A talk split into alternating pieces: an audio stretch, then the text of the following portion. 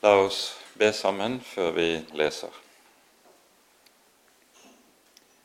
Kjære gode Herre og Hellige Far.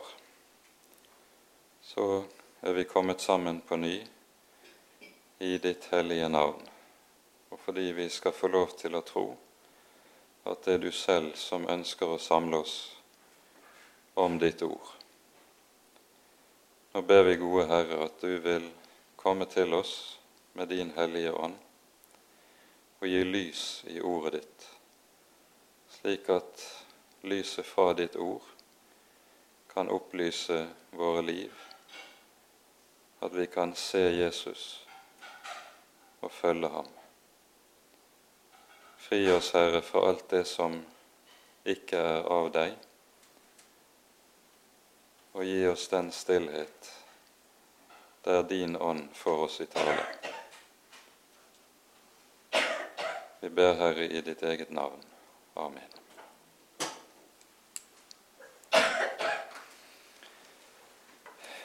Vi er nå inne i avsluttende, den avsluttende hoveddelen av eh, andre korinterbrev, der eh, eh, det jo er slik at vi her møter Paulus også avsluttende oppgjør med de falske apostler som har gjort seg gjeldende i Korint og skapt så mye forvirring i menigheten.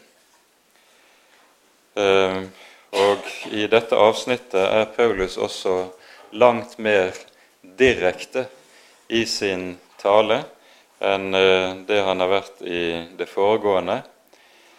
Det vi ser som noe av et kjennetegn ved det meste av andre korinterbrev, det er at Paulus eh, på en måte kjemper med den problematikken som har med hvordan kan han på rett vis forsvare sitt apostolat, forsvare sin tjeneste. Fordi det var slik at eh, disse falske forkynnerne som var kommet til Korint, de var spesielt kjennetegnet ved at de angrep Paulus' person. Og gjennom å baktale og angripe Paulus' person eh, søkte de å undergrave hans autoritet og dermed det evangelium han forkynte. Og Derfor får eh, Paulus sitt selvforsvar, som vi møter i eh, 2. Korinterbrev, også et særegent preg som vi ikke finner i noen av de andre Paulusbrevene. For det som jo alltid er noe av problemet når en skal forsvare seg selv, eh, i hvert fall hvis selvforsvaret ikke er uberettiget, det er det jo svært ofte når vi skal forsvare oss selv, så er vårt selvforsvar særdeles uberettiget. Men Problemet er at selvforsvar veldig lett kan virke over i selvrettferdighet. Eh, noe vi aldri ser det kommer til å gjøre hos Paulus. Eh, og så er det da Paulus i stedet gjennom sin måte å forsvare sin personlige integritet, for det er denne som stadig har vært under angrep på ulike vis, kommer til å stille disse falske forkynnernes egen opptreden i et skarpt og avslørende lys. Vi begynner i dag for sammenhengen sin skyld med å lese noen vers også fra kapittel 10, eh, i sammenheng med at vi går inn i det ellevte kapittel. Vi tar med oss avsnittet som begynner fra vers 12 i det tiende kapittel. Vi derimot tør ikke regne oss blant eller ligne oss med visse folk som gir seg selv vitnesbyrd. Men når de bruker seg selv som målestokk og sammenligner seg med seg selv, mangler de forstand. Vi vil ikke rose oss utover alle grenser men bare etter den rettesnor Gud har tilmålt oss, nemlig å nå frem også til dere. For vi strekker oss slett ikke lenger enn vi rekker, som om vi ikke nådde frem til dere. For også til dere nådde vi frem, med Kristi evangelium. Vi roser oss ikke over all måte av andres arbeid, men vi har det håp at deres tro må vokse slik at vi til overmål må nå enda lengre gjennom dere etter den rettesnor vi har fått.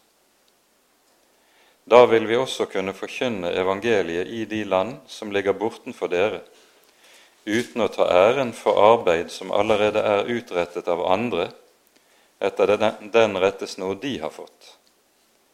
Men den som roser seg, han skal rose seg i Herren. Det er ikke den som gir seg selv vitnesbyrd, som holder mål, men den Herren gir vitnesbyrd. Tenk om dere ville tåle litt dårskap av meg. Ja, det får dere tåle. For jeg er nidkjær for dere med Guds nidkjærhet. Jeg har jo trolovet dere med én mann for å fremstille en ren jomfru for Kristus. Men jeg frykter for at like som slangen dåret Eva med sin list, slik skal også deres tanker bli fordervet og vendt bort fra den enkle og rene troskap mot Kristus.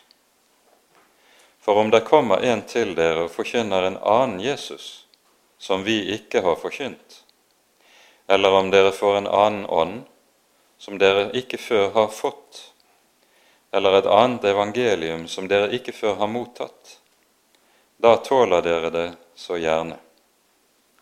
Men jeg mener at jeg ikke står tilbake for disse veldige apostler på noe vis. Er jeg ulærd i talekunst, så er jeg det ikke i kunnskap. Tvert om den er jo på alle måter og i alle ting lagt tydelig frem for dere. Eller gjorde jeg synd? Da kunne jeg ydmyket meg selv for at dere kunne bli opphøyet ved at jeg for intet forkynte Guds evangelium for dere. Andre menigheter plyndret jeg ved å ta lønn av dem for å kunne gjøre tjeneste hos dere. Da jeg var hos dere og ikke hadde det jeg trengte, ble ikke til byrde for noen av dere. For det jeg manglet, det ga brødrene meg da de kom fra Makedonia. På alle vis holdt jeg meg fra å bli til byrde for dere, og det vil jeg fortsatt gjøre, så sant Kristi sannhet er i meg. Denne ros skal ikke bli tatt fra meg i Akaias bygder. Hvorfor? Fordi jeg ikke elsker dere, det vet Gud at jeg gjør. Men det jeg gjør, vil jeg også fortsatt gjøre, for ved det fratar jeg dem muligheten som søker en anledning til å vise seg som vår like i det de roser seg av. For disse er falske apostler, svikefulle arbeidere, som skaper seg om til Kristi apostler. Og det er ikke noe å undre seg over, for Satan selv skaper seg jo om til en lysets engel. Da er det ikke noe stort om også hans tjenere omskaper seg til rettferdighetstjenere. Men for dem skal enden svare til deres gjerninger. Sammenhengen som vi her står oppe i, det er at, som vi hører i avslutningen av kapittel 10, det er at disse falske predikantene som har eh, virket i Korint, de er kjennetegnet ved sin selvros, eller sitt selvvitnesbyrd. Eh, det er nok ikke sånn at de har stått frem direkte og blankt og skrytt av seg selv, men de har talt på en måte om sin egen gjerning sin egen tjeneste i Guds rike, som har fått disse korinterne til å bli så imponert over det de hører om disses tjeneste, at de tilskriver dem en veldig autoritet. Og på denne måten, med å likesom omtale sin egen gjerning i Guds rike og fruktene og resultatene av de veldige ting som de kan utrette, så duperer de menigheten i Korint og får dem til å tenke ja, dette er sannelig kraftfylte apostler. Det som eh, Paulus da svarer på med dette, det er for det første at han taler om, som vi hørte, om et mål som var tilmålt ham av Gud. Det er nemlig slik at når han reiser som Herrens apostel, så reiser han ikke på eget initiativ og på eget valg. Han reiser der Herren har åpnet dørene for ham, lagt til rette for ham, slik at han reiser som den der er kalt av Herren. Og Det som særlig var Paulus sitt kall, det var å reise og forkynne evangeliet der det ikke hadde lydd tidligere, der det var fullstendig ukjent. Det innebar også da at tjenesten kom til å bære med seg særlig store vansker.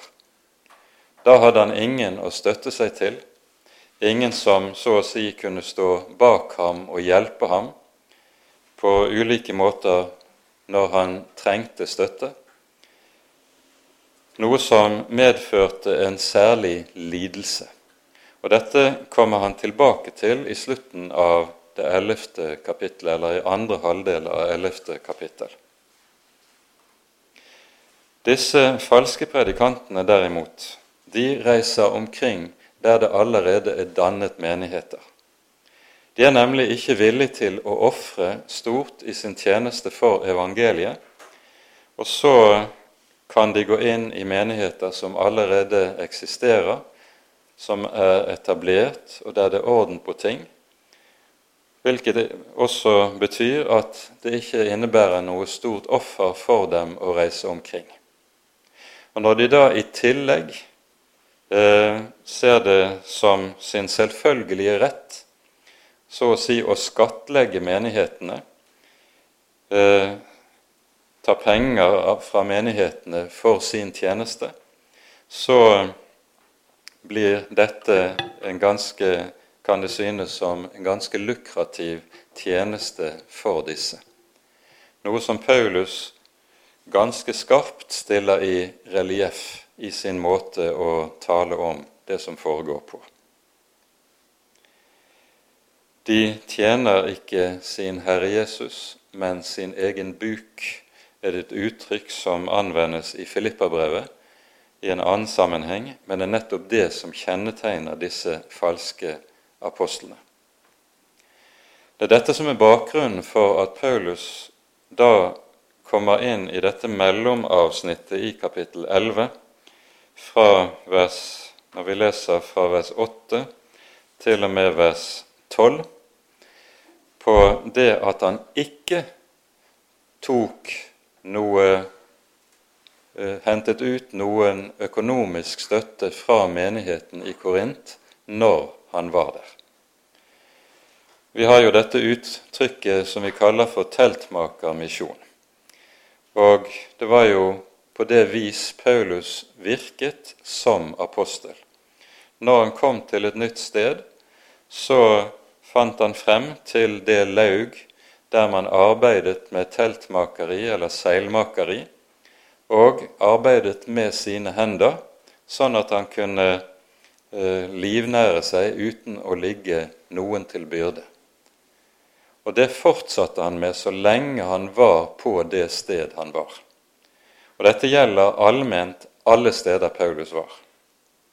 Når han, som vi her hører i eh, vers 9, at uh, menighetene i Makedonia har understøttet ham, så betyr det ikke at Paulus oppebar understøttelse når han var i Makedonia. Men når han hadde reist derfra, så sendte menighetene, når de hadde anledning til det, sendte de ham av og til noe til livsopphold og som han takker menighetene for. I Filippabrevet i det fjerde kapittel hører vi Paulus takke for slik understøttelse som han har mottatt fra menigheten i Filippi når han satt i fengsel. Og Det er tydelig at slik understøttelse har menighetene i Makedonia, og antagelig Filippa-menigheten særlig, eh, vært ivrig etter å sende til Paulus. Det er en viktig grunn til at Paulus ikke oppebar noen økonomisk støtte fra de menighetene han var i lokalt. At han arbeidet med sine hender når han var i Korint.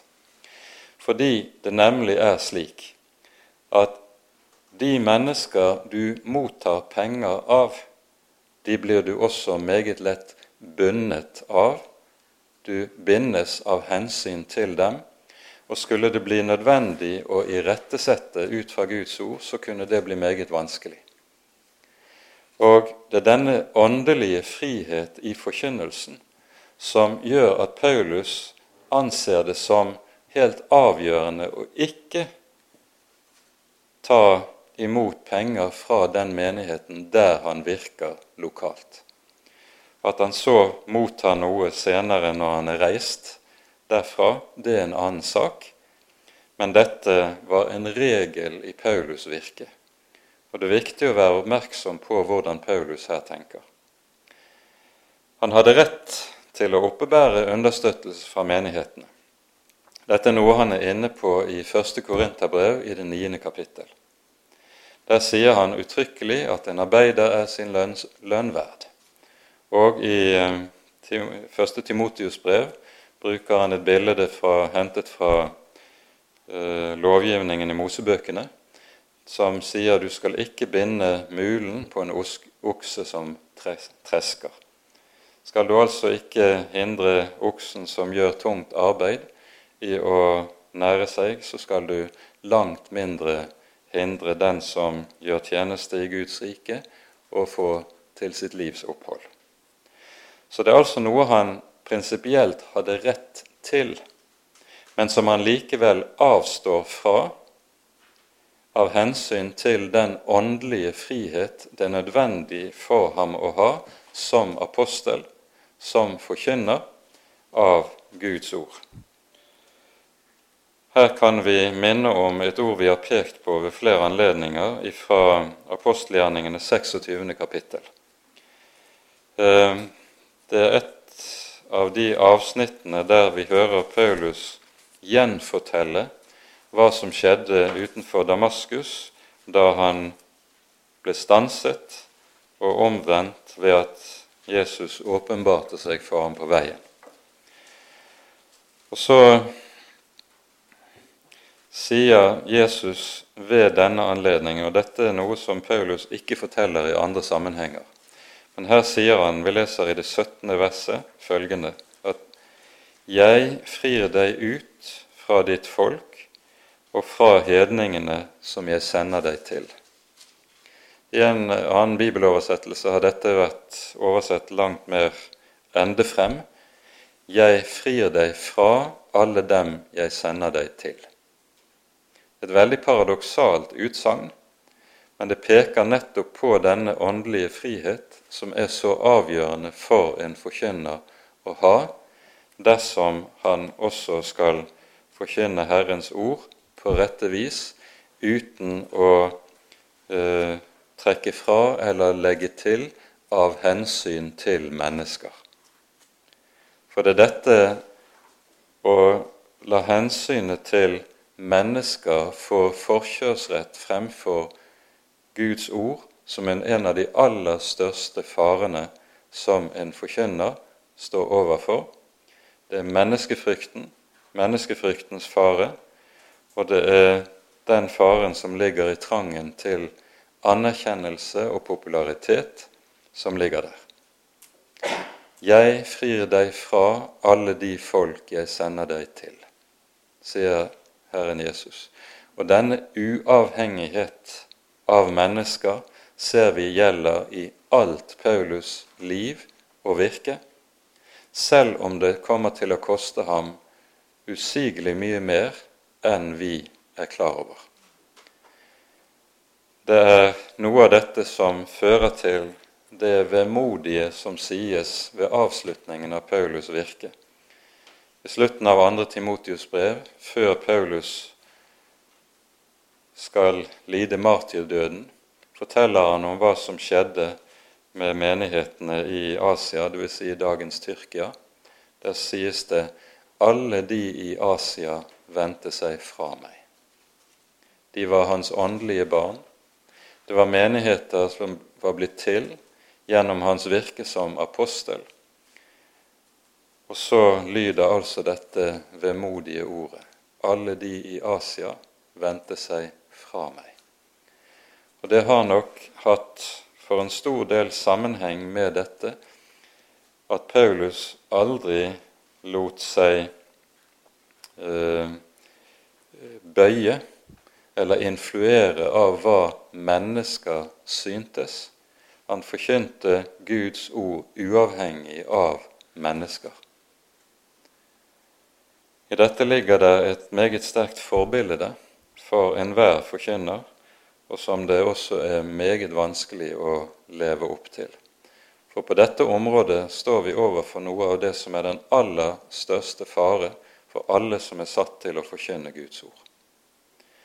Og menighetene plikter det tror jeg også bør understrekes i denne sammenheng, plikter ikke bare å forstå denne fare, men hjelpe sine forkynnere, sine hyrder, til å kunne bevare den rette uavhengighet av uh, mennesker på dette vis som vi her har beskrevet. Det som kjennetegner de falske predikantene, det er altså også dette at de farer omkring der Herren ikke har kalt dem. Paulus reiser, og vi hører han understreker flere ganger, etter det mål Herren har satt. Det er Herren selv som har ledet ham, som har ført ham, og som har kalt ham. De falske forkynnerne de har meget betydelig grad av likhet med det vi hører om de falske profeter hos Jeremia i det 23. kapittel. Her sies det følgende om disse falske profeter. Jeg har ikke sendt profetene, likevel løp de. Jeg har ikke talt til dem, likevel profeterte de.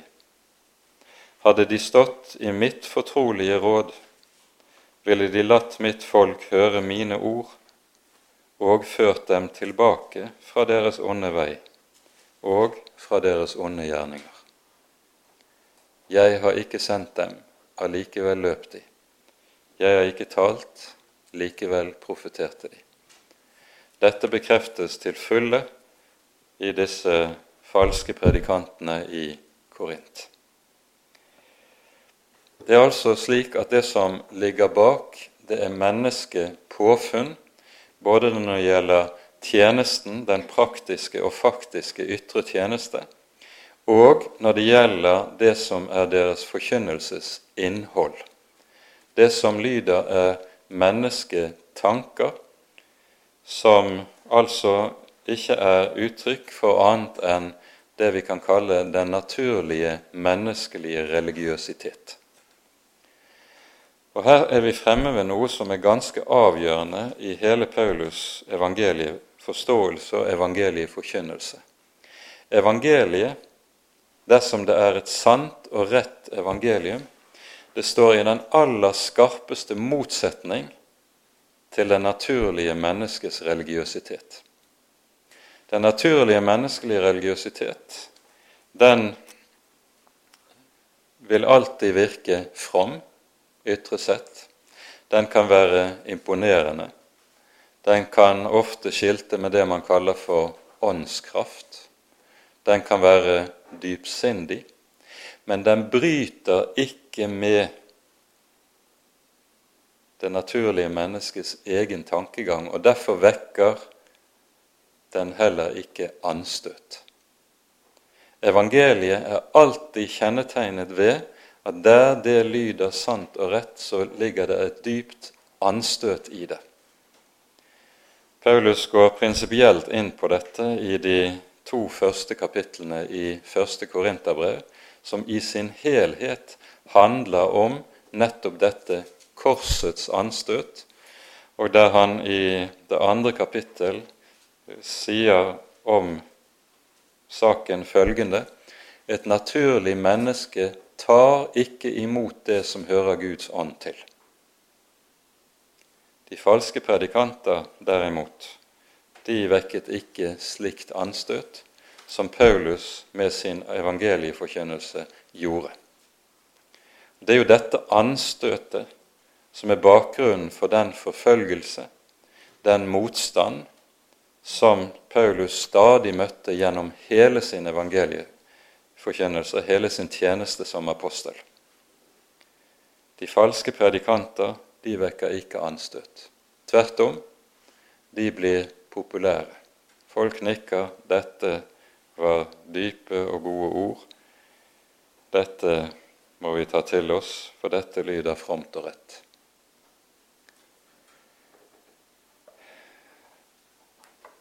Det som kommer fra mennesket selv, det er nedenfra og ikke ovenfra. Jesu ord til Nikodemus setter fingeren på det som er avgjørende og grunnleggende i Guds rikes liv. Han sier det som er født av kjødet, er kjød. Det som er født av Ånden, er ånd. Og med det Jesus her sier, så tales det ikke bare om den nye fødsel. Det er jo det han underviser om for Nikodemus i denne sammenheng. Men dette vers 6 i Johannesevangeliets tredje kapittel det er et prinsipputsagn som beskriver noe helt allment i Guds rikes møte med denne verden og denne verdens krefter. Det som er født av kjødet, er kjød. Det som er født av Ånden, er ånd. Og Det vi skal være klar over, det er at det naturlige mennesket etter syndefallet er religiøst. Religi religiøsiteten ligger det naturlige mennesket i blodet og kommer alltid til uttrykk i menneskets liv på ulike måter, på ulike områder. Religiøsiteten vil alltid ytre seg på forskjellig vis, men det som er viktig å være klar over, det er at det naturlige menneskets religiøsitet det er en del av det naturlige menneskets synd. Og som synd er det noe et menneske derfor også må omvende seg fra. Leser du Bibelen på langs, så vil du se at hele Bibelen på sett og vis handler om kampen mellom den falske religiøsitet og den levende Guds tro, formidlet gjennom forkynnelsen av Guds ord. Det er det som preger Israel under hele ørkenvandringen som vi leser om de Mosebøkene. Det er det som preger hele Israels historie gjennom Det gamle testamentet. Det er den falske religiøsitet som kjemper med eller imot Guds ord. Og Guds ords åpenbaring av hvem den levende Gud er. Det er dette det dreier seg om, om igjen og om igjen.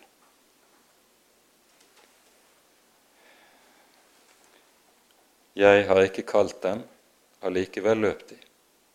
Jeg har ikke talt til dem, likevel profeterte de lyder det om den slags predikanter og forkynnere. Og dette er en kamp som vil forbli helt til Jesus kommer igjen. Og det er den kampen som også foregår innad i den kristne menighet. Dypest sett er all strid og all kamp innad i den kristne menighet den dreier seg om samme sak, det er kampen mellom den naturlige menneskelige religiøsitet og hva den finner fornuftig, tiltalende, fromt og godt, og det som er av Gud. Det er denne radikalitet som ligger i det vi så hører når vi kommer inn i det ellevte kapittelet i, her i andre Korinterbrev. Paulus begynner dette ellevte kapittelet med følgende ord.: Tenk om dere ville tåle litt dårskap av meg. Flere bibeloversettelser bruker et annet ord enn dårskap for å oversette her. Noen oversettelser sier, oversetter det med uforstand. Andre oversettelser bruker et sterkere ord som antagelig er mer dekkende. De oversetter det med vanvidd. Tenk om dere ville tåle noe vanvidd av meg. Og Det er antagelig det som er dekkende. For det som er vanviddet her, det er at Paulus nå, i motsetning til de falske forkynnernes selvros og selvvitnesbyrd, finner ut at han må også rose seg. Og så hører vi det i resten av kapittelet, men Paulus sin ros er så ganske annerledes. For mens de roser seg av de store syner, de veldige resultater, sine store talegaver, sin åndskraft, eller hva det nå måtte være, så hører vi at Paulus han roser seg av sin svakhet. Og det er jo skjære vanvidd i møte med den slags. Men dette gjentar han da flere ganger i det følgende. Det skal vi komme tilbake til når vi kommer over sommeren og går inn i de kapitlene. Men før så skjer, så hører vi det som vi leser fra vers 2 til 4. For jeg er nidkjær for dere med Guds nidkjærhet. Jeg har jo trolovet dere med én mann for å fremstille en ren jomfru for Kristus. Det som er tankegangen som ligger bakom her, det er det bildet som anvendes om igjen og om igjen i Det gamle testamentet på forholdet mellom Gud og Israels folk. Israels folk er bruden, som Herren har trolovet seg med. Herren er brudgommen. Og så hører vi at når Israels folk venner seg til avgudene, så sammenlignes det med ekteskapsbrudd. Det er hor. Det er horeri. Og når Israels folk gir seg ut i den slags horeri, så hører vi også at Gud taler om seg selv som den nidkjære Gud. Det uttrykket som anvendes i Bibelens grunntekst, det kunne meget godt vært oversatt med sjalusi. Nidkjærhet det betegner nettopp den brennende ild som stiger opp i hjertet der hos den som måtte oppleve at hans elskede er ham utro. Det er det som skjer her. Guds nidkjærhet ytrer seg nettopp i dette at han kan ikke tåle å se at hans folk gir seg hen til andre. Avgudene kalles en rekke sammenhenger i Gamle testamentet for Israels elskere, som bruden, Guds folk, er troløs med. Og så kommer dommene og straffen i den sammenheng. Når Paulus da skriver om seg selv følgende 'Jeg er nidkjær for dere med Guds nidkjærhet', så står han der like som på samme måte som døperen Johannes, som vi hører om i, også i det tredje kapittel i Johannesevangeliet. Han er brudgommens venn som står der, som har som oppgave å føre den rene brud frem til brudgommen for, med tanke på bryllupet. Han er brudgommens venn som hører, hører brudgommens røst og gleder seg. Skulle bruden vise seg å være troløs, så vil brudgommens venn også bli nidkjær. For det som er Herrens apostels oppgave, det er jo nettopp å fremstille menigheten for Herren Jesus Kristus. Der ligger et mål foran som heter lammets bryllup. I åpenbaringsboken hører vi om dette når fullendelsen kommer. Og det lyder 'Salige er alle de som er innbudt til lammets bryllupsmåltid'. Og vi hører om bruden som stiger ned fra Gud, pyntet som en brud for sin brudgom. I Efeserbrevet kommer Paulus også inn på å anvende noe av denne billedbruken som vi finner i, i eh, Det gamle testamentet. Og Vi leser et par vers her.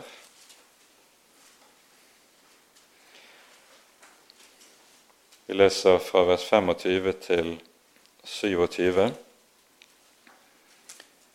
Dere menn, elsk deres koner like som også Kristus elsket menigheten og ga seg selv for den, for å hellige den ved å rense den ved vannbadet i Ordet, slik at han kunne stille menigheten frem for seg i herlighet, uten flekk eller rynke eller noe slikt, men at den kunne være hellig og ulastelig.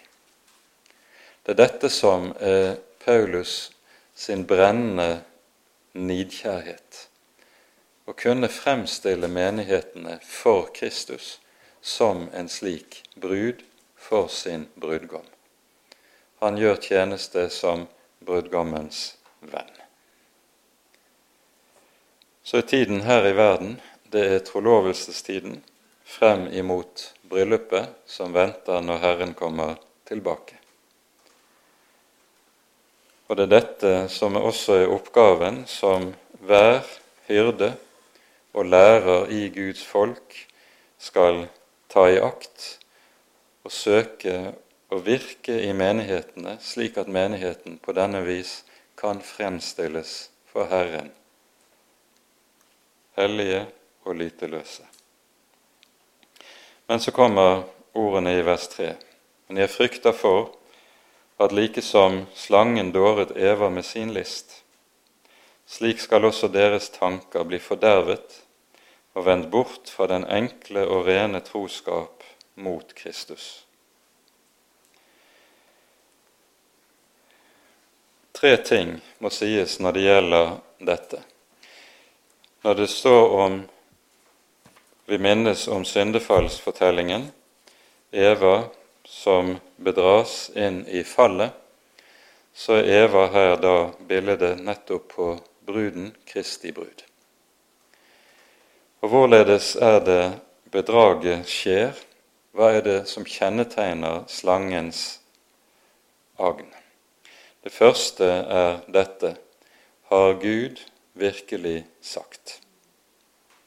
Når slangen vil føre Eva til fall, så skjer det ved dette har Gud virkelig sagt.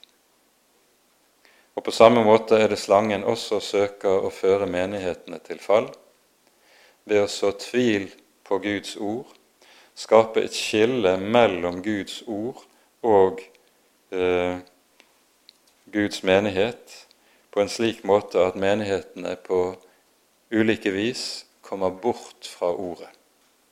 Har Gud virkelig sagt?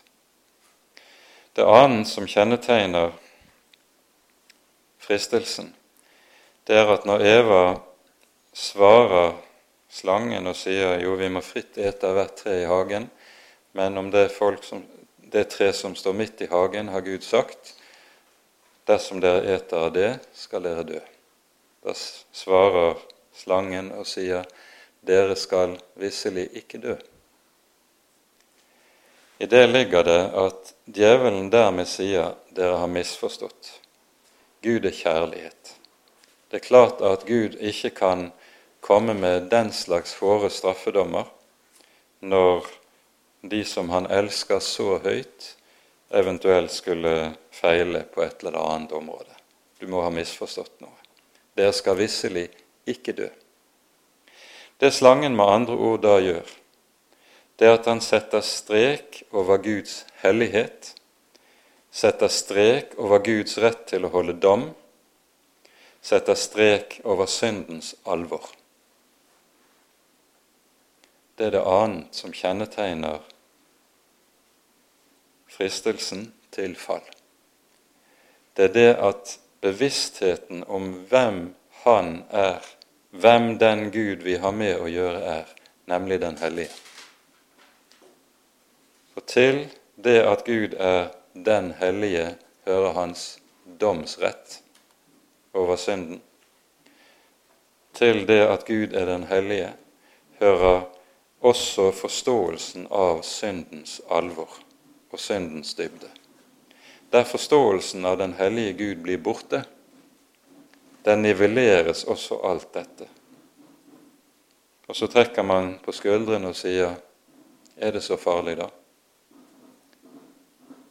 Det er en annen utgave eller variant av det samme, har Gud virkelig sagt.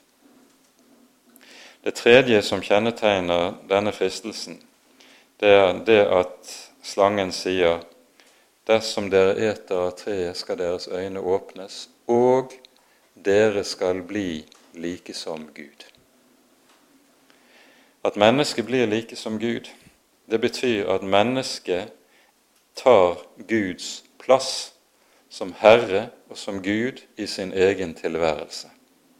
Det er mennesket som blir sentrum i tilværelsen, egoet som blir sentrum i tilværelsen. Det er egoet som tiltar seg retten til å dømme over rett og galt. Gud fratas denne retten. Og På denne måten så tilskriver og tilkjenner mennesket seg selv en autoritet og myndighet som tilkommer Gud alene. Antagelig har det vært slik at disse falske predikanter som har gjort seg gjeldende i Korint, de har opptrådt med en forkynnelse som lover de troende en åndelig autoritet som i sak innebærer noe av dette dere skal bli som Gud. Paulus er i forbausende liten grad konkret når det gjelder det innholdsmessige i de falske forkynnernes budskap. Vi kan forstå hva det dreier seg om, bare ut fra antydninger om, som han kommer med i ulike sammenhenger. Men antagelig er det disse tre tingene som går igjen i noe av det som har preget dem, og som de har søkt å liste inn i menigheten. Så kommer han til saken i vers 4.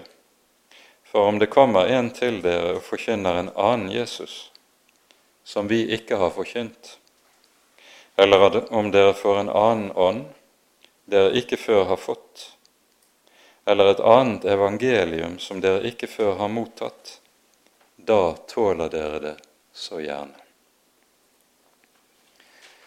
Her hører vi at Paulus laster menigheten for en toleranse som ikke skal finnes.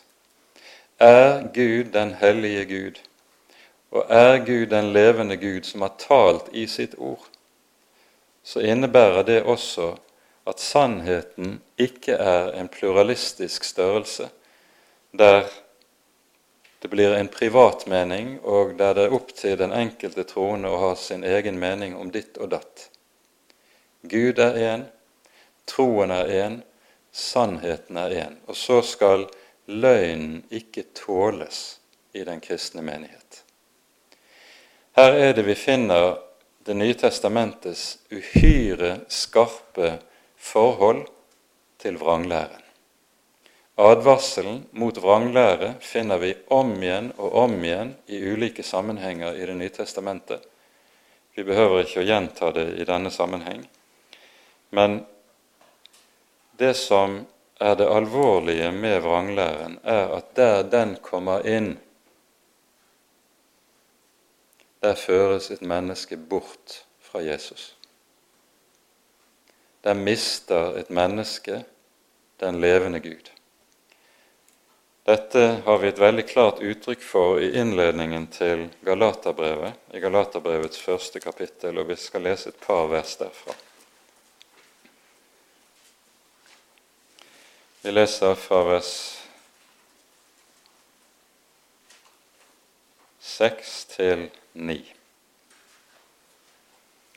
Jeg undrer meg over, skriver Paulus her til Galatermenighetene, jeg undrer meg over at dere så snart vender dere bort fra ham som kalte dere, ved Kristi nåde, til et annet evangelium. Skjønt der ikke finnes noe annet. Det er bare noen som forvirrer dere og vil forvrenge Kristi evangelium. Men selv om vi, eller en engel fra himmelen, skulle forkynne dere et annet evangelium enn det vi har forkynt dere, han være forbannet. Som vi før har sagt, så sier jeg nå igjen om noen forkynner dere et annet evangelium enn det som dere har mottatt, han være forbannet. Det er uhyre sterke ord, og det er klar tale. Men legg merke til det som sies i vers 6, det første verset vi leste. Her sier nemlig Paulus.: Jeg undrer meg over at dere så snart vender dere bort fra ham som kalte dere, til et annet evangelium. Det altså å lytte til et annet evangelium, det er ensbetydende med å vende seg bort fra Herren. Det er ensbetydende med å komme bort fra Herren. Det er det som er det store alvoret i det. Og så tales det altså om en annen Jesus. Om det kommer en til dere og forkynner en annen Jesus, vil dere gjerne tåle det. Det er ikke kristen forkynnelse om en mann står frem og taler om Jesus.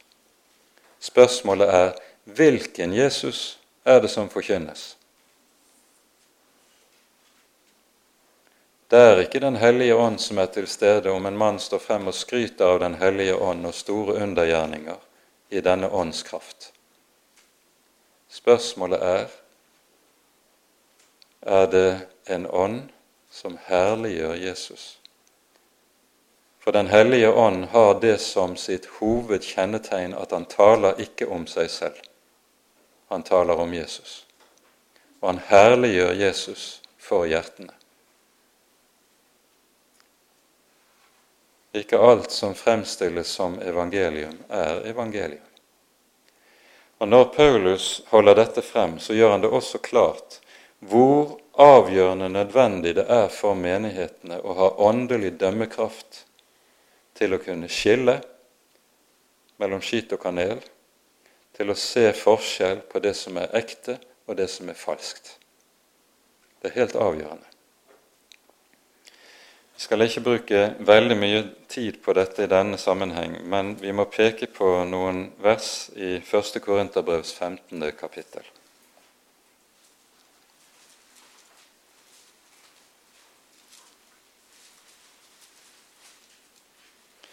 Vi leser de tre første versene.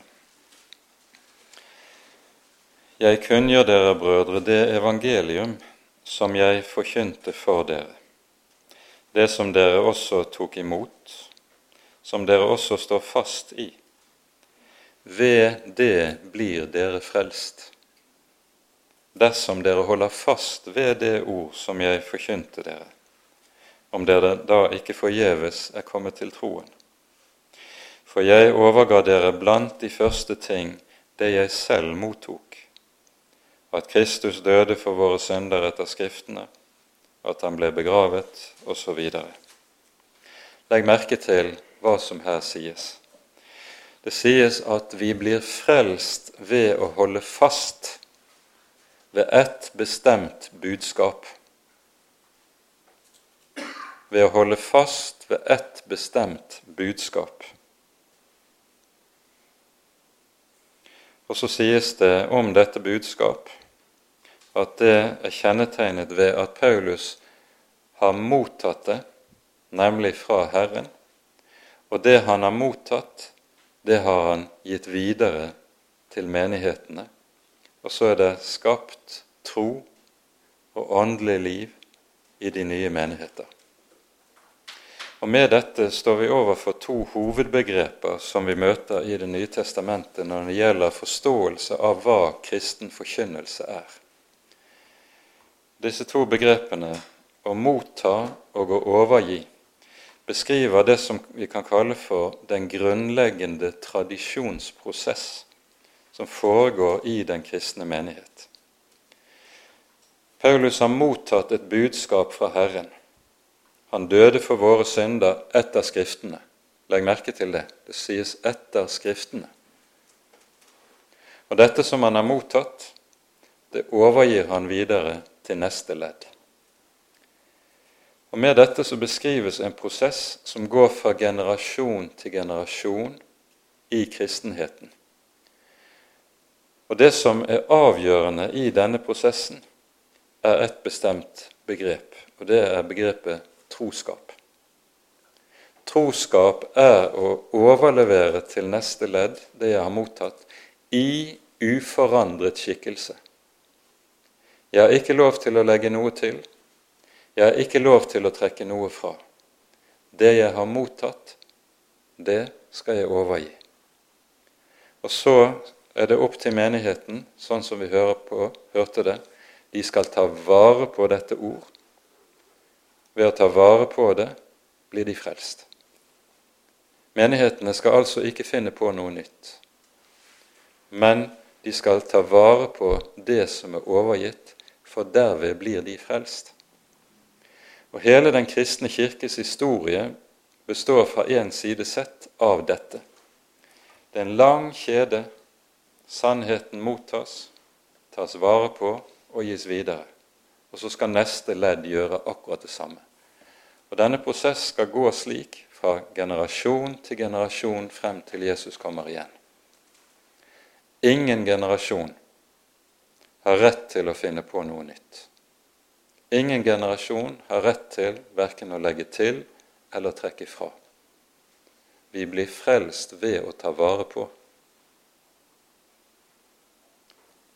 Og så forstår vi at Paulus' ord i 2. Korinterbrev om et annet evangelium, en annen ånd, en annen Jesus, dermed så å si er selvforklarende. Det er noe annet enn det de har mottatt som de falske predikanter kommer og serverer. Nå rekker vi ikke å gå inn på alt i dette avsnittet vi har lest, men for sammenhengens del så tar vi med oss de siste versene, vers 13 15, her i det 11. kapittelet i 2. Korinterbrev. Etter det mellominnskuddet fra vers 5 eh, til 12 så kommer det så. Disse er falske apostler, svikefulle arbeidere, som skaper seg om til Kristi apostler. Og det er ikke noe å undre seg over, for Satan selv skaper seg jo om til en lysets engel. Da er det ikke noe stort om også hans tjenere omskaper seg til rettferdighetstjenere men for dem skal enden svare til deres gjerninger. Det er meget alvorlige ord, og med dette så lærer Paulus oss en viktig sak. Å ha med vranglære å gjøre, det er det samme som å ha med djevelen å gjøre. Vi, til, vi, har lett for i den tiden vi lever, å tenke sånn at her har vi med ulike meninger å gjøre. Du har din mening, jeg har min mening, osv. Har du med vranglære å gjøre, så har du ikke bare med en menneskelig mening å gjøre. Du har med djevelen å gjøre. For vrang lære kommer alltid nedenfra. Vrang lære, da opptrer djevelen som den som gir menneskene det de ønsker seg, og det de vil ha. Det som, for å fortsette den tråden vi var inne på tidligere, som svarer til den naturlige menneskelige religiøsitet. Når djevelen skaper seg om til en lysets engel, så innebærer det at han kommer som den som gir seg ut for å ville komme med åndelig velsignelse, åndelig liv, komme med gaver til oss, med innsikt til oss og med lys til oss, som er oss til gagn, til fremgang og til vekst på det åndelige området. Han er lysets engel. Det var jo slik han også kom til Eva. Han gir seg ut for å være en som kommer med ny innsikt, større velsignelse til Eva. Og så skal vi dermed ikke bite på agnet. Når det kommer noen til oss og forkynner store ting som kan se ganske så imponerende og åndelige ut, hvis det ikke svarer til det som er oss overgitt. Vel å merke dersom vi eier og kjenner evangeliet slik det er gitt oss, eier og kjenner evangeliet rett i Skriftene, da skal vi ikke la oss dupere av dem som kommer med noe nytt. Det som kjennetegner den onde alltid, det er at han er løgnens far. Det er et navn Jesus setter på ham i Johannesevangeliet, og han, det er hans gjerning alltid. Han er løgnens far, og derfor er hans våpen alltid forstillelse, hykleri. Han går frem på et vis som du aldri riktig kan Eh, etterspore, og så er det lett å la seg bedra. Og så skal du vite i Den hellige Skrift hører vi om igjen og om igjen at Herren taler om sitt ansikt. Det lyder til oss i velsignelsen Herren lar sitt ansikt lyse over deg og være deg nådig.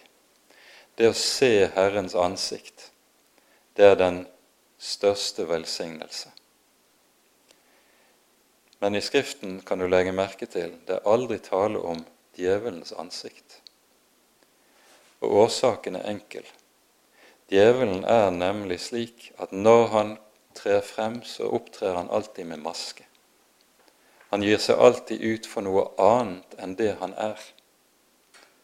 Han trer frem som lysets engel, han som dog er mørkets fyrste. Forstillelse, løgn og hykleri er hans våpen. Og Derfor tales det i Efeserbrevet når det taler om Guds fulle rustning, om nødvendigheten av å være ikledd dette for å kunne stå seg mot djevelens listige angrep. Han går alltid frem med list. Han går aldri frem åpent, ærlig og ende frem. Listen Bedraget er hans våpen.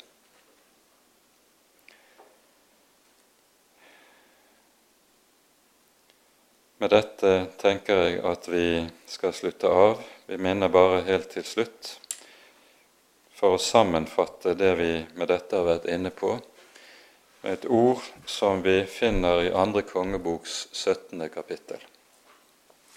I dette kapittelet hører vi om hvorledes Nordriket i Israel går under. Og så sies, kommer det et avsnitt som på profetisk vis beskriver årsaken til undergangen, årsaken til den Guds dom som undergangen er uttrykk for. Så sies det i 2. kongebok 17. kapittel vers 9 følgende de skjulte Herren sin Gud med ord som ikke var rette. Altså ved å tale vrangt om Herren, ikke i samsvar med det åpenbarte Guds ord, så ble Guds eget vesen skjult. Og så er det også på motsatt vis. Der Guds ord forkynnes sant, rent, klart og tydelig, der åpenbarer Gud sitt ansikt. Der lar han sitt åsyn lyse over sitt folk. Og det er det vi må be om, at han må fortsette å la skje imellom oss. Der det ikke lenger skjer, er lysestaken flyttet.